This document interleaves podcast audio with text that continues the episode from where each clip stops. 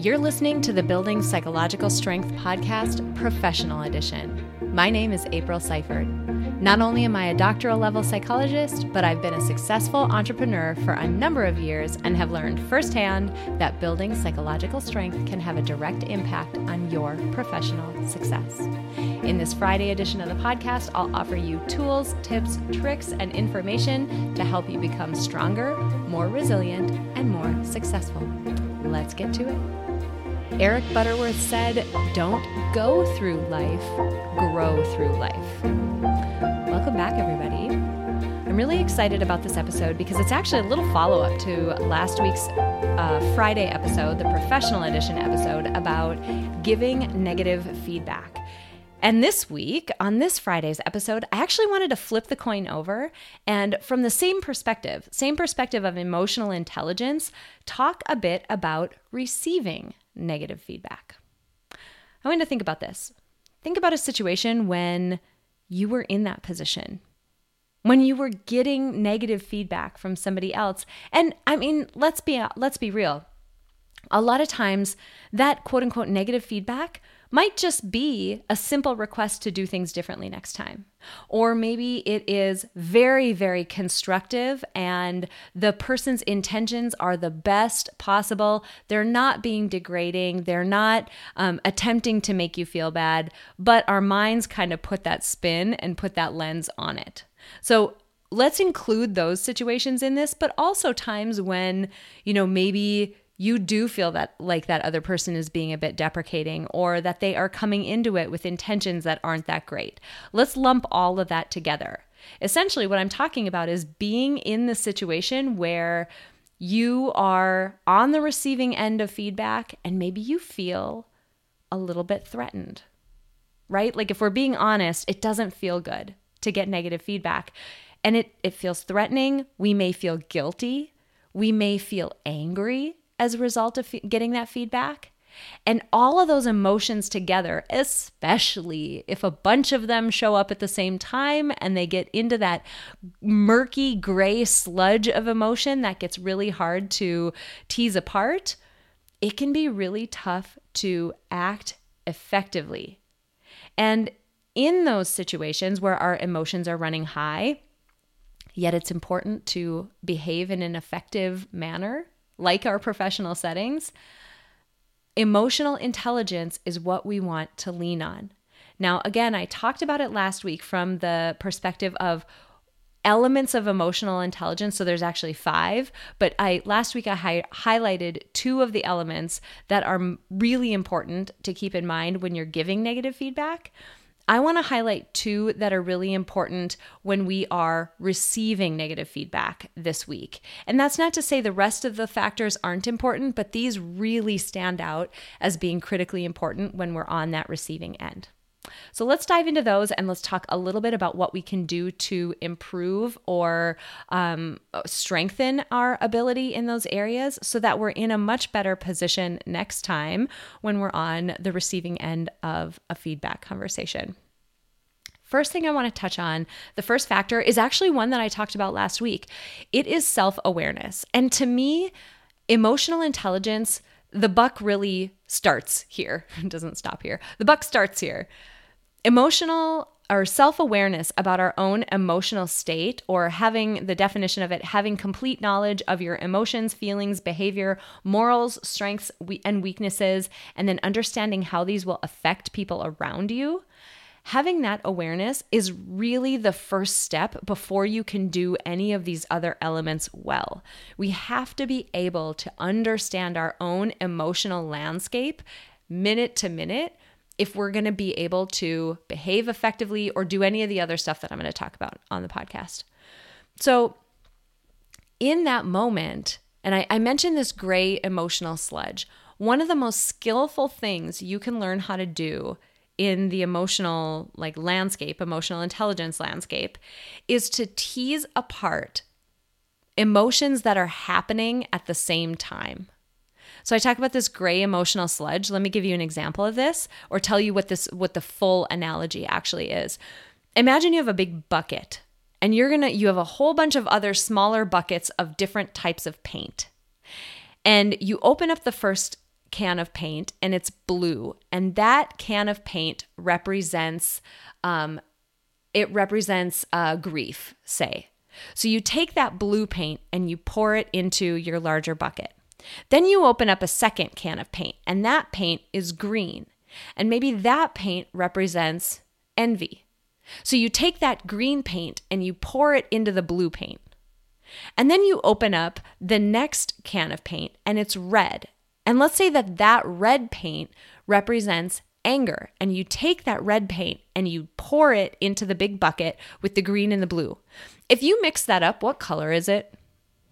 Sludge, right? total sludge. And that's pretty much what our emotions feel like when we have anger and guilt and resentment and we're feeling like we need to uh, protect ourselves and we want to lash out. All those things get mixed up together and you end up with emotional gray sludge. And one of the most skillful things you can learn how to do is get the blue paint back.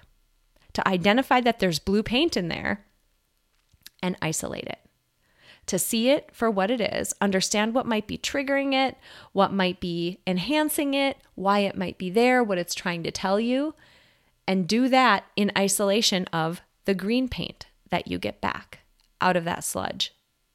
And so I want to make that point because when you're in these scenarios, like in the scenario where you're receiving negative feedback, that emotional gray sludge comes fast and furious.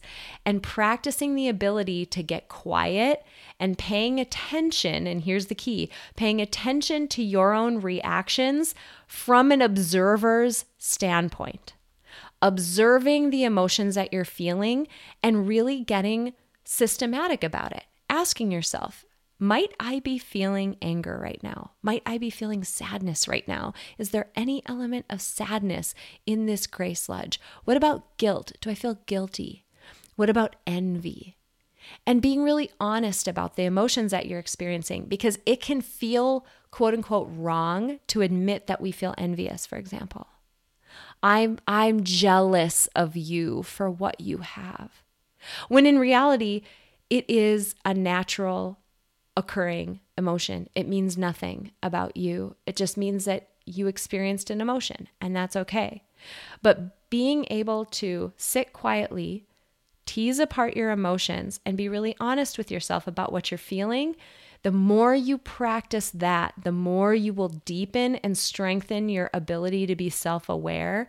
And that is the critical first step. Second component of emotional intelligence that I want to highlight is self regulation. Okay, let's think about this here, right? You're sitting there, and maybe it's your boss or your significant other and they are coming to you with something that they want you to do differently. Maybe they're even upset and they're giving you this negative feedback, and you are aware of the fact that you are feeling anger, that you are feeling resentment toward them, that you maybe want to retaliate. This is where self regulation comes in, and it is concerned with how you control and manage yourself and your emotions, inner resources, and abilities. And it also includes your ability to manage your impulses. How important is that, right? Because these emotions that we feel can make us make our behavior very impulsive. And typically, from a long term perspective, the behavior that we feel the impulse, the action that we feel the impulse to take, isn't necessarily the one that's going to be the most effective in the long term. So the more that we can boost our ability to our, our ability to self-regulate, the better. Now before I dive into a way to do that, I want to make one caveat. Self-regulation and self-awareness think about what we're doing here. We're we're admitting acknowledging the feelings that we're having and we're re- we're regulating our behavior. What we are not doing is repressing an emotion or ignoring it or pretending like it doesn't exist. That's never going to be effective. We're acknowledging our emotions, we're admitting that they are there, and then we're essentially deciding how we're going to act in terms of what is the outcome that we want to get. So we're talking about taking action that's effective in moving you in a helpful direction. So, again, a way to do that, it's going to start with mindfulness again. It's going to start with not necessarily rec- uh, recognizing your own emotions, as in, you know, self awareness, how we just talked about it, but recognizing your behavioral urges. What are you feeling the urge to do? And the rubric of fight, flight, or freeze is a good one to start with to help you navigate that because that's what we tend to resort to when we feel a little bit cornered, the way that you might when you're receiving negative feedback. So get really mindful and curious and observe the emotion or the uh, action impulses that you are feeling like you want or feeling like you have in that moment. And once you have them, there's something amazing about just acknowledging that something exists psychologically, acknowledging that I, I'm having the impulse to walk out of this meeting. I'm having the impulse to shout at that person. It almost buys you just a little bit of psychological spaciousness and time to make a decision about how you want to act. And if you can get that, if you can get just that moment to make a decision, that gives you the opportunity to decide to behave in a way that fuels your longer term goals, that points you in a direction of what's important to you in a longer term basis, not just being reactive right here in this moment.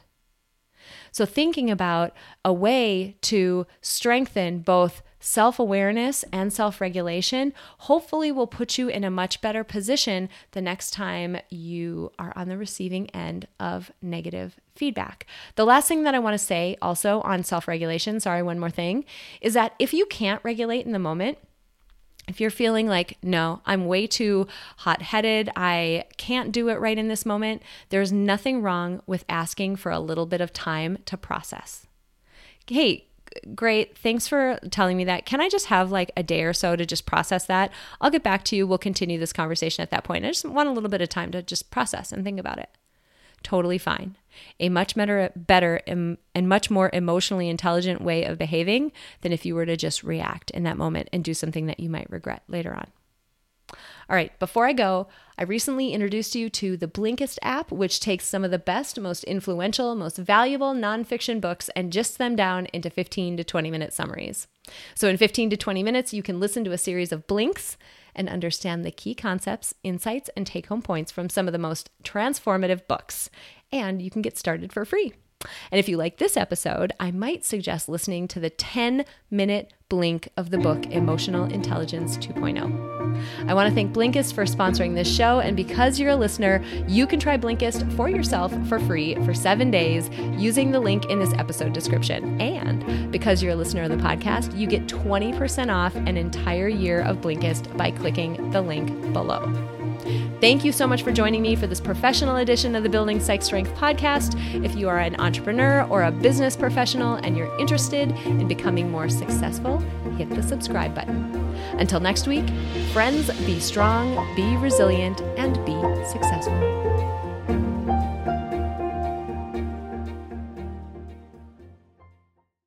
At Parker, our purpose is simple.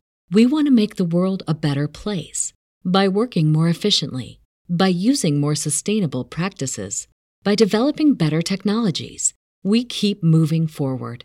With each new idea, innovation, and partnership, we're one step closer to fulfilling our purpose every single day.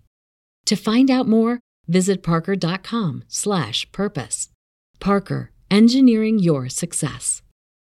As humans, we're naturally driven by the search for better. But when it comes to hiring, the best way to search for a candidate isn't to search at all. Don't search, match with Indeed. When I was looking to hire someone, it was so slow and overwhelming. I wish I had used Indeed. If you need to hire, you need Indeed. Indeed is your matching and hiring platform with over 350 million global monthly visitors, according to Indeed data, and a matching engine that helps you find quality candidates fast. Ditch the busy work. Use Indeed for scheduling, screening, and messaging so you can connect with candidates faster. And Indeed doesn't just help you hire faster. 93% of employers agree Indeed delivers the highest quality matches compared to other job sites according to a recent Indeed survey. And listeners of this show will get a $75 sponsored job credit to get your jobs more visibility at Indeed.com slash podcast. That's Indeed.com slash podcast. Terms and conditions apply.